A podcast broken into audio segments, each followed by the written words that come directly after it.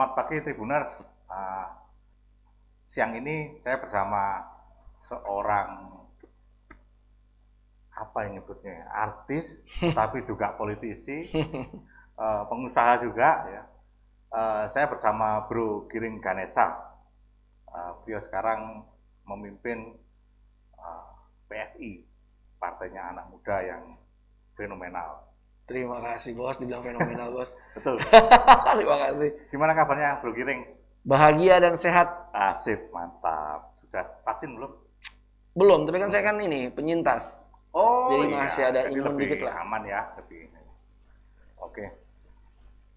Bro Giring, bagaimana sekarang Bro Giring mendefinisikan Bro Giring? Mendefinisikan diri Bro Giring seperti apa? Ini pagi-pagi Tribuners jawab apa pertanyaannya langsung garis keras sih, dar gitu kan. Karena itu pertanyaan yang sangat filosofis ya. Dan itu kayak butuh perenungan yang banyak, iya kan, Bro. Jadi wah ini panjang nih kayaknya ya. Jadi kalau saya mendefinisikan diri saya sekarang, Ya. apa atau siapa. Eh, kalau saya ngelihat diri saya itu dari dulu memang punya mimpi yang besar, ya kan. Dan ketika diberikan tanggung jawab sebagai ketua umum, akhirnya saya coba untuk mimpi besar itu saya terapkan tidak hanya untuk saya, tetapi untuk seluruh ribuan, puluhan ribu, bahkan ratusan ribu kader dan simpatisannya Partai Solidaritas Indonesia kan. Oleh karena itu ya kita pengen banget eh, punya goal besar itu yaitu di 2024 lebih jaya lagi, lebih banyak lagi anak muda masuk ke parlemen dan juga lebih banyak lagi anak muda yang mau menjadi bagian dari proses perbaikan bangsa dan negara ini. Jadi kalau ditanya definisi seorang pemimpi besar dan seseorang yang selalu bersyukur dan se- se- eh, seorang pribadi yang tidak pernah berhenti belajar belajar hal-hal baru dan tidak takut dengan hal-hal baru sih. Masih menjadi musisi? Ya, musisi itu em, apa ya? Kalau udah lahir sekali dari musisi pasti sampai tua pasti jadi Tua ya. musisi. ya. Jadi masih bikin lagu, masih Kalau bikin lagu udah susah bro, Oh, udah. udah susah. Karena bikin lagu kan jiwa harus tenang, Ah. habis itu juga apa namanya suasana harus tenang. Sekarang jiwa saya kan masih mikirin gimana cara bisa menang kan. Nah, Gitu. sekarang kalau Bro Giring sudah memimpin partai ini, lebih suka mana? Lebih suka dipanggil, dipanggil siapa? Giring Niji atau Giring Ganesa? Eh kalau sekarang sih ya, siapa pun yang manggil saya, misalnya ada yang manggil Giring Niji juga masih, alhamdulillah masih di. Tapi lebih suka Iya. mana? Kalau dengan po- posisi baru? Ya kalau sekarang eh, eh saya lebih prefer dipanggil Giring Ganesa karena memang Ganesa ya. ya almarhum bapak saya kan ngasih nama saya Giring Ganesa. Oh, Oke. Tapi memang susah ya menghilangkan nama Niji di belakang. Ya nggak apa-apa juga. Saya juga kalau masih dipanggil Bang Niji, Bang Niji juga ah, ya saya happy happy aja bos. Ya. Karena memang eh, munculnya dari situ kan. ya. Iyalah. Ah, eh, Bro Giring, ingat nggak saat pertama kali merasa, eh, oh ini politik ini jiwa saya nih. Kapan tuh? Mungkin saat saya mungkin pas nongkrong di toilet atau di mana gitu.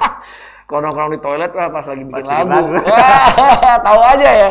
Semua seniman kan kalau bikin lagu kan lagi nongkrong di Saya toilet. kan nonton apa banyak video-videonya Ah, terima kasih Mas. Kalau ditanya kapan itu sebetulnya saya kan memang sudah tahu politik dan suka membicarakan politik ya karena memang kedua orang tua saya mem- membicarakan politik itu di meja makan kan. Karena Oh, Oke. almarhum bapak saya kan juga seorang wartawan bro. Oh, iya kan? Mantap. jadi ya itu hal yang biasa. Cuman kalau misalnya ditanya kapan sih eh, detailnya? gitu ya eh, mau terjun ke politik. Kalau waktu di awal-awal di Niji saya apatis ya terhadap politik ya. Iya, iya. Ya ya politik kayak gitu-gitu aja lah gitu ya udah gue ngeband aja deh gitu tapi benar-benar momentum bahwa oh ternyata politik itu sesuai dengan apa yang dibilang oleh sejarah yaitu sebagai alat ya sebagai instrumen sebagai instrumen yang kalau dipakai untuk kebaikan hasilnya pasti akan baik. Instrumen kalau misalnya dipakai oleh orang-orang baik pasti hasilnya baik.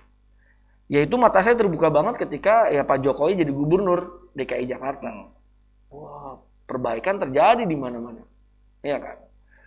Teratur, bersih, habis itu uh, kawasan yang tadi banyak banjir jadi nggak banjir, ya kan? terus pembangunan ada di mana-mana gitu kan. Saya untuk politik kalau dipakai untuk kebaikan dan kebajikan hasilnya pasti rakyatnya akan sejahtera. Makanya mungkin momentum itu bahwa wah ini kayaknya saya mau masuk ke politik itu ketika uh, pilkada DKI Jakarta. Oh, Oke. Okay. Yang pilkada Pak Anies ya. Karena ya, waktu okay. itu saya lihat bahwa politik dipakai untuk memecah belah. Iya kan? Pakai itu tuh sudah kenal PSI ya? Uh, waktu itu cuman tahu-tahu aja karena sering melihat Raja Juli Antoni nemenin Pak Ahok kan. Oh, Oke. Okay. Iya kan. Ah. Ya cuman tahu-tahu aja lah. Cuman belum sempat ngobrol lebih dalam gitu. Ya akhirnya saya lihat bahwa oh, ternyata politik kalau dipakai untuk memecah belah, ya efeknya seperti itu gitu bahwa uh, ya waktu itu warga DKI Jakarta terpecah belah banget kan dan akhirnya saya memutuskan untuk terjun karena melihat PSI, platform PSI, melihat Sis Grace Natali, melihat Bro Raja Juli Antoni, melihat Samara, melihat Bro Satya Chandra. Ngobrol-ngobrol, wah ini emang partai yang platformnya paling cocok nih sama saya. Yaitu sebuah partai yang didirikan oleh anak muda Indonesia yang tidak mementingkan ras, agama, suku dan yang lainnya. Tetapi bagaimana dia bisa berkarya buat Indonesia itu kita mengukur semua berdasarkan meritokrasi kan. Yang kedua adalah bagaimana partai ini didirikan agar semua orang yang memiliki kesempatan yang sama di demokrasi. Ya. Iya kan? Seperti yang saya bilang, selalu saya bilang bahwa sekarang anggota legislatif kita ada yang tukang parkir, ada yang ojek supir ojek online, ada yang anaknya tukang sampah, Ketika dia mau berjuang buat masyarakat, dia dipilih, dia pasti bisa melakukan begitu banyak perbaikan. Wah, ini cocok banget di platform ini. Kira-kira kapan memutuskan oh ini politik? Kayaknya ya habis habis pilkada ya. Habis pilkada itu. Ha. Itu waktu itu sudah uh, vakum dari musik? Uh, belum sih, belum. Belum ya? Belum. Bro Giring, uh, ada nggak yang menentang keputusan Bro Giring waktu itu? masuk politik? Ya awalnya istri saya lah pasti. Kenapa? Karena di saat itu juga beberapa hari, beberapa minggu sebelum saya memutuskan masuk ke PSI kan saya sering sekali mengeluarkan video-video yang agak keras lah ya, ya mengkritik ya. gitu kan. Jadi takut lah ya, Terus habis itu ya biasa lah komen-komen netizen kan gitu kan. Tapi ya. ada komen, ya kalau saya sih baca komen netizen mah biasa aja gitu. Cuman yang sampai ada yang ancam bunuh gitu-gitu yang itu yang bikin istri saya oh, takut. Okay, ya. Netizen Indonesia gitu ya. Tapi lucunya begitu saya memutuskan untuk oh sorry begitu saya di approach untuk menjadi ketua umum dan habis itu menjadi apa diusung menjadi uh, calon presiden PSI hmm. istri saya malah santai banget oh gitu dia malah santai. Apa, santai itu karena sudah yakin dengan apa namanya oh nggak akan terjadi apa juga oke okay. ya karena ternyata begitu dia ke sini ya ya netizen ya kerasnya memang di sosial media ya, gitu. dan kalau ketemu langsung saya yakin juga nggak akan mau nggak ada yang berani tuh langsung gue bunuh lo ya yang ada malah minta foto iya kan banyak kan minta foto gitu. iya iya mentor politik utama siapa ya pasti senior senior saya di PSI ya. Iya. Pak Jokowi juga sering banget ngasih saya input setiap kali bertemu dengan beliau. Apa yang disampaikan Pak Jokowi? Yang paling diingat, yang kemudian menjadi semacam ya ini guideline saya sebagai politisi. Pak Jokowi. Pak Jokowi bilang ini, ya uh, Mas Giring saya tahu bahwa Mas Giring tidak punya uang yang banyak lah. Satu-satunya cara untuk kalau termasuk sukses ya sebagai pengusaha enggak tuh? Iya, tapi kan ya masih ada yang lebih banyak lagi uangnya. Iya, iya, iya. Jadi satu-satunya cara adalah harus siap capek. Makanya harus sering ketemu sama masyarakat. Ya udah makanya sekarang dari bulan September 2020 sampai titik ini saya belum berhenti keliling Indonesia, Bro. Kecuali kemarin berhenti ketika saya kena COVID-19, tapi sisanya jalan terus. Oh, Oke. Pernah nggak Bro Giring eh, tanya ke teman-teman PSI mengapa Bro Giring yang dipilih? Ini pertanyaannya yang mendingan ditanya sama Sis Grace Natalia aja langsung bro saya juga sini. itu ada hal yang aneh banget kalau saya nanya eh guys kenapa sih Oke, lu saya lu pada ini aja, nanya kalau gue gitu saya gue ganti. jangan nanya gue Kalau gitu saya ganti pertanyaannya. Waktu itu Bro Giring yang dilamar atau Bro, Bro Giring yang melamar masuk PSI? Ada yang ngajak masuk? oh waktu PSI? dulu awal-awal Ah, seperti- eh muncul ya oh gitu. muncul jadi eh, balik lagi bahwa waktu itu kan eh, Sis Grace Natali Bro Raja Juli Antoni Samara itu kan ketika pilkada 2024 eh pil, sorry pilkada DKI Jakarta terakhir itu kan sangat turun masyarakat turun banget kan. Eh, dan eh, apa namanya ya di situ akhirnya kita dipertemukan lah di persimpangan jalan dipertemukan yang ngobrol-ngobrol-ngobrol ternyata platformnya cocok ya gitu. Ya mungkin yang lucu sih ceritanya eh, dulu kan ada kalau ada PSI ada brosurnya lah. Iya, iya. Kan fotonya semuanya cewek semua kan yang cowok cuma tiga tuh. Bro Chan, Bro Jen sama Bro Sum ya kan. Sisanya kan cewek semua. Terus waktu aku kasih ke istriku nih yang PSI yang. Wah isinya kok cewek-cewek semua? Istri saya Cakep lagi ya. istri saya tuh yang lucu gitu kan. Nggak aman aman. Tapi begitu udah ketemu sis Grace sis Isyana Samara oh dia mah yakin oh, ini mah orang orang baik-baik semua gitu Nah ini saya punya pertanyaan nih. Eh, ini terinspirasi dari wawancara Bro Giring dengan Eka Kuntadi. nah, klien eh, Eka Kuntadi kan menyebut Bro Giring sebagai etalase ya. Ya, kalau saya nyebutnya tetap sebagai frontman.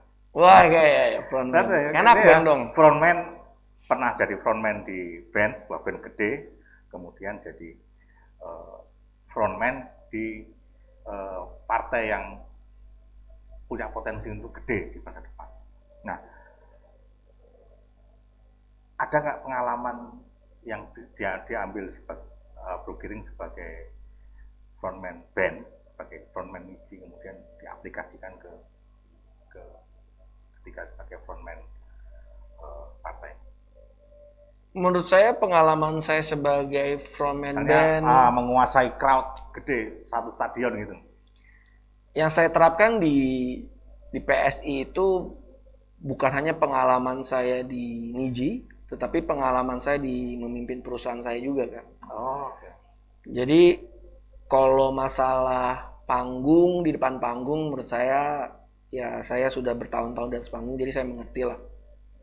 Tapi sampai sekarang tetap masih belajar ya bro ya Iya, iya. Eh, untuk mengimprove orasi saya, mengimprove saya interak interaction dengan warga dan yang lainnya. Tetapi sebetulnya yang saya terapkan banget itu pengalaman saya memimpin perusahaan saya dan itu saya terapkan di di partai gitu. Jadi saya selalu bilang bahwa setiap orang itu punya perannya masing-masing, setiap orang itu punya apa namanya kelebihan dan kekurangannya masing-masing, maka kita harus jadi super team, Iya, iya. super team yang bisa mengosong, me- member- apa, saling mengisi. Saya kelebihannya di mana, kekurangan saya di mana. Akhirnya misalnya Brocan punya kelebihannya di situ, isilah. Nanti saya isi juga kelebihannya saya di tempat yang lain. Gitu. Oke. Eh, apa namanya? Saya terus terang ini eh, banyak menggali ide-ide pertanyaan itu dari wawancara Bro Giring dengan beberapa orang. Terima kasih. Terutama yang eh, ini memang beberapa memang youtuber-youtuber yang eh, favorit saya. Salah satunya Ari Lasso.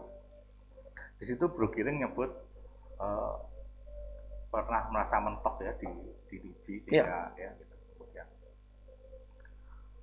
Kira-kira kalau di partai nanti mentok nggak? Ada merasa mentok nggak?